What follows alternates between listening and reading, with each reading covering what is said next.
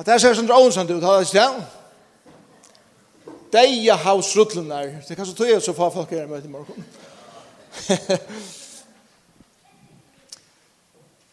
Jeg var i, i Israel fyrre i, i år, i januar måned, og, og et av opplevelsen som jeg heier da jeg var her nere, det var at jeg kom til til stedet her som eh, noen øyelig spennende opplevelser gamlar, gamlar, gamlar rutler som alt møl som skriver av var funner.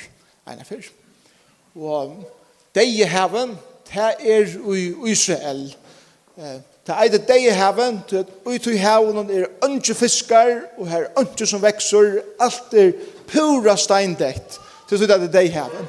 Og dei i heaven, det ligger 500 meter under vattflatene. Så mye er her oppe, og så kommer fjøtlene i Israel, men så fer det helt nye lengt under Sjekvahattene i Mielhavnen, helt her nyrre angstander.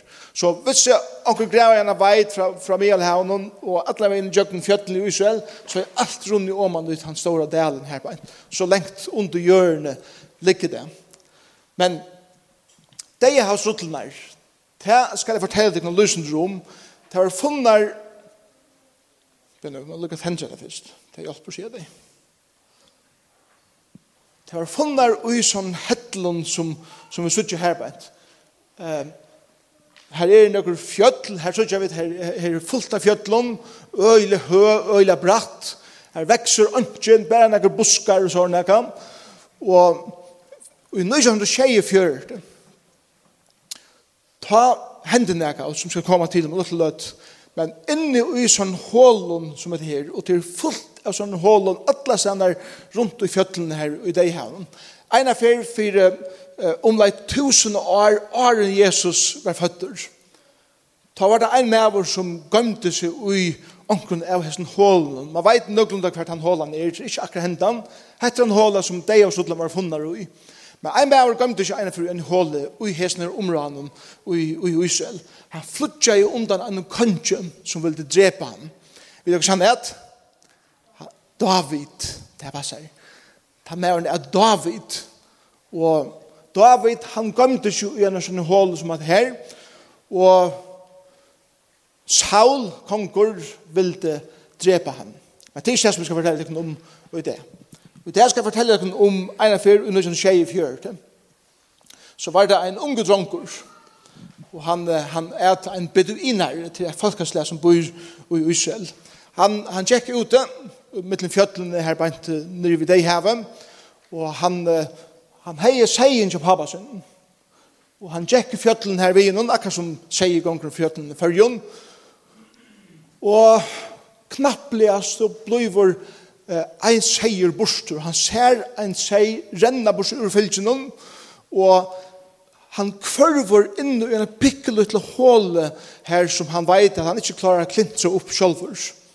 Og han veit skal skal, han skal få fætre i sin sein at han er bare en, en tølv, kanskje 14 år gammal, som er sånn dronken er, han kanskje lysen til eldre i hesen, det var ikke akkur hesen, dronken. Og så han hugsa, ok, hva skal jeg gjøre for å få seien ut av disse hålene? Og Så han teker en, en stein som ligger der, teker steinen, og han blekar han inn i hese hålene, så han tjøkner et lytle hålet som han ser inn i, inn i fjallet. Og så knapplig høyrer han akkurst brottene. Det er akkurat som at, at en krukka brottner. Det er helt annet øyelig snitt ut. Så, så han får se fra at jeg blekar en stein til jeg sier for inn her, men jeg hørte at akkurst brottnar. Og så fer der kanna hva det er som er her, så finner der eina rikve av uiløyden, så ligger fer etter einen.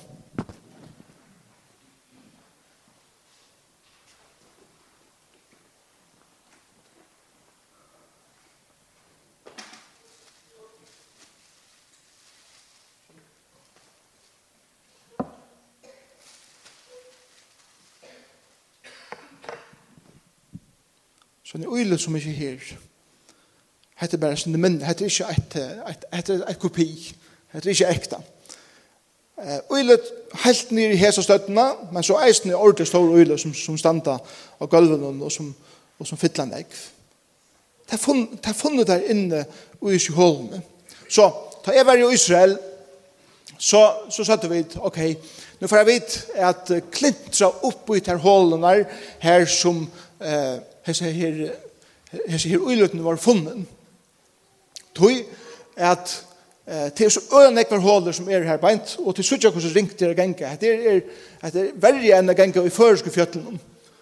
Øyla ringt av klintra, og eit som er så øyla snete ved steinen her, bare til at det er så øyla kvasser, så dettur og teker en stein, så skjer du det ordentlig etla. Men vi gengas opp etter, opp etter fjallen henda veien, og klatra, og lika til å komme nesten på toppen så måtte jeg lykke stille meg her beint, og, og her har vi som de har i, i bakgrunnen her beint. Og nå er vi kommet nok så nær til hålene som, som uh, hesen dronkeren uh, fann. Faktisk var 11 håler funnet vi uh, fullt av sånn i, men hålet nummer ett, det var han som dronkeren fann, og kanskje var på en måte en av de viktigste, selv om hun ikke har mest uh, av tusen der funnet. Jeg skal vise dere hva der funnet men det er løt. Men så kommer vi til hålene. Hun er øyelig ring å finne. Og bare folk som kjenner steg i ordet, hver videre hver nere, til å ta i, ta i dronkeren hver her beint. Ta var det bare hatt og hålet. Hatt det hålet som jeg sier, Johan, jeg sier for under jøkkenen. Hes i hålene her beint. De er bråten settene, så er det nemmere ikke folk å slippe inn etter øtlen tog som vi er her. Men hvis du forstår det, at her var alt kletter og steiner fyrir her beint, og det er bare at det til hål i her, og dronker sender hikker opp, og, og hukser om hvordan som kan slippe inn. Og så tog jeg bøyla der her, men jeg stod i hålen. Hette er så hålen inni i, og så hette det bøyla der jeg tætje uh, ut etter. Og hette det hålen som seier for inn, og så var det ordentlig djupt nyr av bottenen og hålene. Her funnet der fullt av sånne krukken. Men det er ikke det som er spesielt. Da i der åpnet og, og tog lodge av som krukken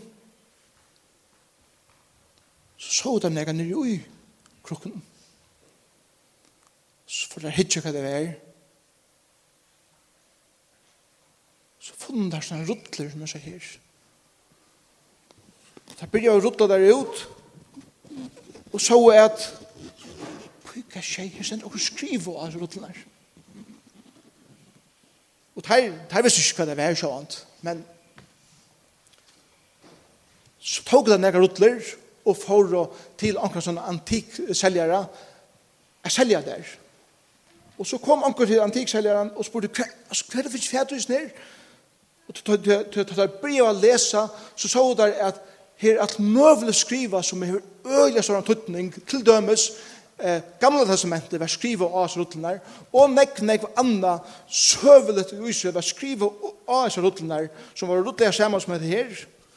Og det var ikke skriva av papur vi vet hva hessa rullnar er gjørdar av. Så rullnar det var gjørdar av skinne antel oksa skinne eller gaita skinne eller oksa oksart Og til skinne, at utlene var tidsen av, så var det strekt ut, ordentlig, ordentlig slatt, så det ble ordentlig tunt, nesten like tunt som papur, pura slatt, og så sier man at det er man at det er møyre senere vi, vi nål og tråd, for det skulle gå längre rutt ta langsatt ruttelen som var funnet, og i det av ruttelen var åtta meter leng. Det er helt herfra og helt her i til.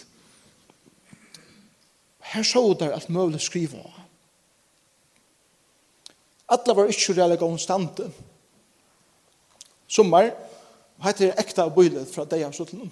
Sommart har vært oppetnare av møle og forskjellige som, som var inne i hålene, så det var øyne ringt av suttje akkurat hva det var som stod skriva.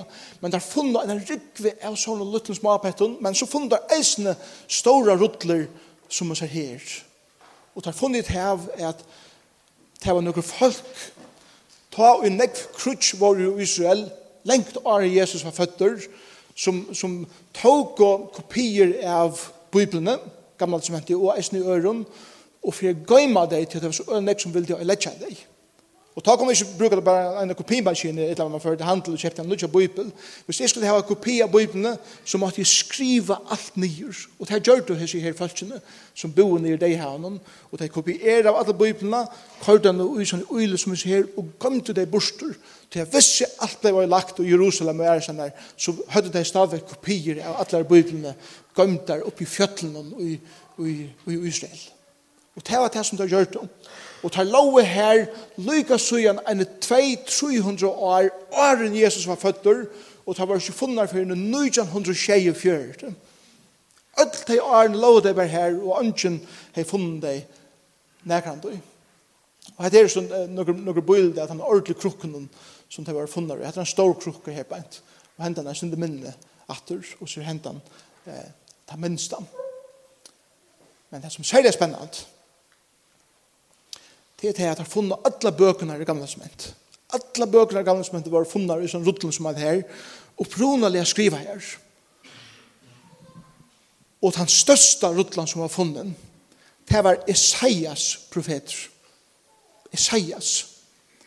Og det som er så øye avverst, det er det at det, det eldste handrite som eh, bibellærer visste om Esaias profet var fra tusen år etter Krist, som bare tusen år er gammalt. Og så er det flere som sier at Isaias er bok, det er en bok som er skrivet av, av flere mann som kallar seg Isaias, og han skal bytas rundt i, i flere, flere parster til at til dømes i Seias 3 sier at han var særlig for bråd okkara, og det tåsar om Jesus, så anker skriva i til nyer at han av Jesus var krossfester og døy for okkon, og sier han er det Seias, bare for at, at det skal sørge ut som at det er profeti, at, at Seias sier at det er 600 år, år den det passer slett ikke, at det skriva lengt at han var. Og nekva nekva bøker skriva rundt ham, inntil noen tjejfjørt.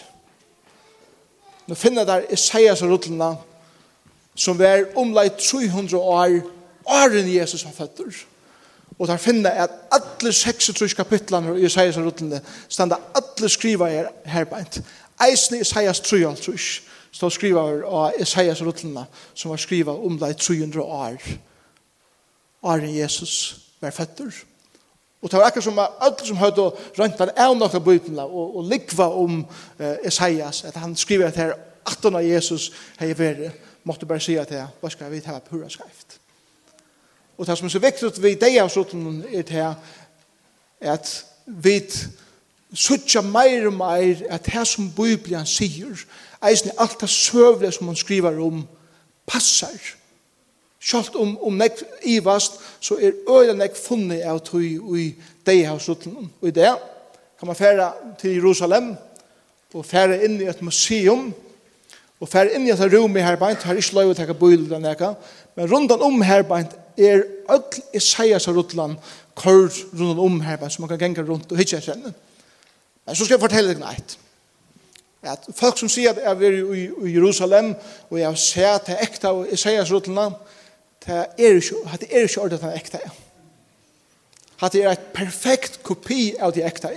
Men den ekta er, jeg sier så Rutland, hun er nudje med langer nyrre under hese Rutland, og i en ordentlig støpt om bunkere, er selv for at en atombomba skulle bruste i Jerusalem, så er det ikke gjort vi sier så Rutland.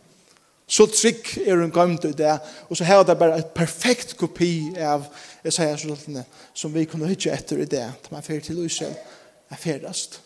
Så Isaiah-soldatene som var funnet i Israel her krukken, når vi deg heve, viser okken at Bibelen er fullkomlig alløydande og søvelig. Og til det som er så tydninger mye for okken, er at minnes til det og det at ta vi lesa bøypna, så kan vi kvila ui at dette er sannleikin som år, som året er givet til okkun av, av gode.